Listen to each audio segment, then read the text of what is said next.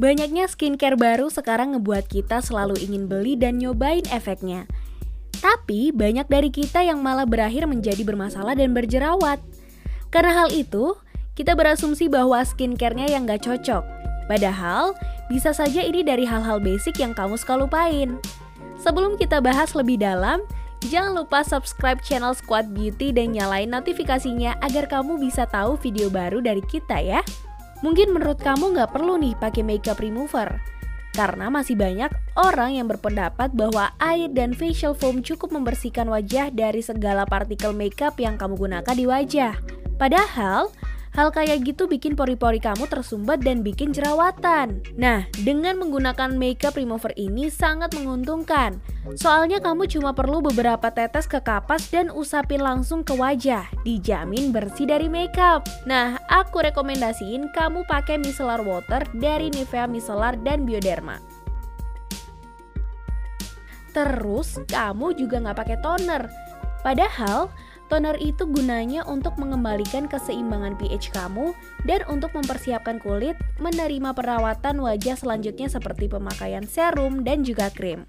Nah, dengan menggunakan toner ini, kamu bisa menghindari kekeringan, iritasi, dan merah-merah pada wajah.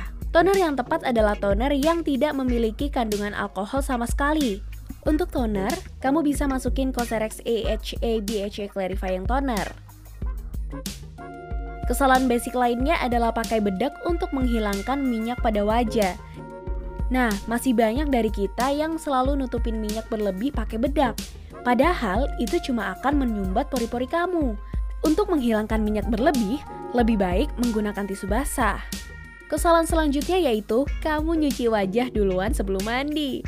Nah, kalau kamu mandi setelah bersihin wajah, itu banyak kandungan-kandungan kimia yang bisa berpotensi masuk ke dalam wajah. Misalnya kalau kamu sampoan.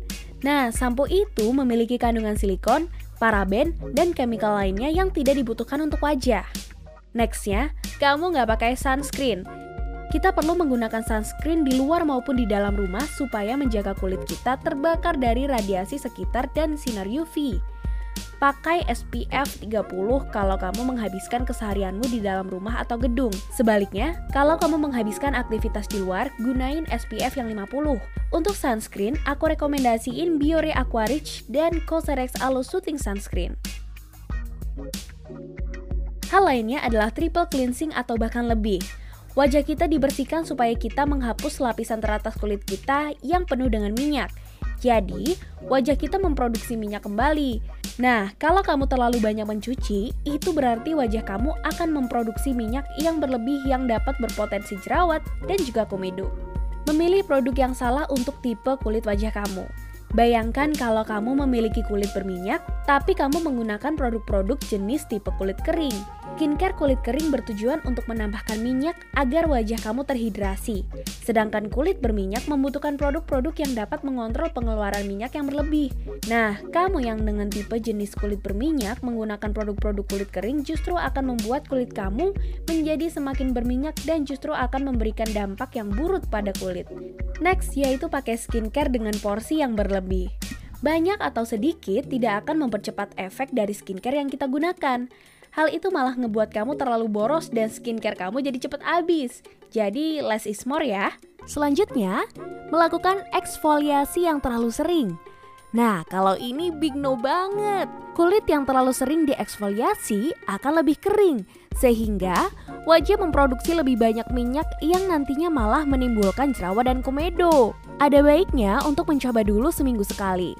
Lalu, lihat reaksi ke wajah. Kalau baik, mungkin bisa lebih sering dan maksimal 2-3 kali dalam seminggu. Aku rekomendasiin Skin Angel Madagascar Centella Asiatica Toning Toner. Last but not least, yaitu nggak baca kandungan skincare yang kamu pakai. Skincare bersifat personal dan memberikan efek yang berbeda ke setiap penggunanya. Jadi, kamu perlu banget ngecek kandungan-kandungan apa yang pas untuk kamu. Nah, itu dia 10 kesalahan skincare yang masih kamu lakukan. Jangan lupa untuk like, share, dan subscribe untuk tahu tips-tips seputar kecantikan. Jangan lupa juga follow akun media sosial Squad Beauty untuk tahu info menarik lainnya.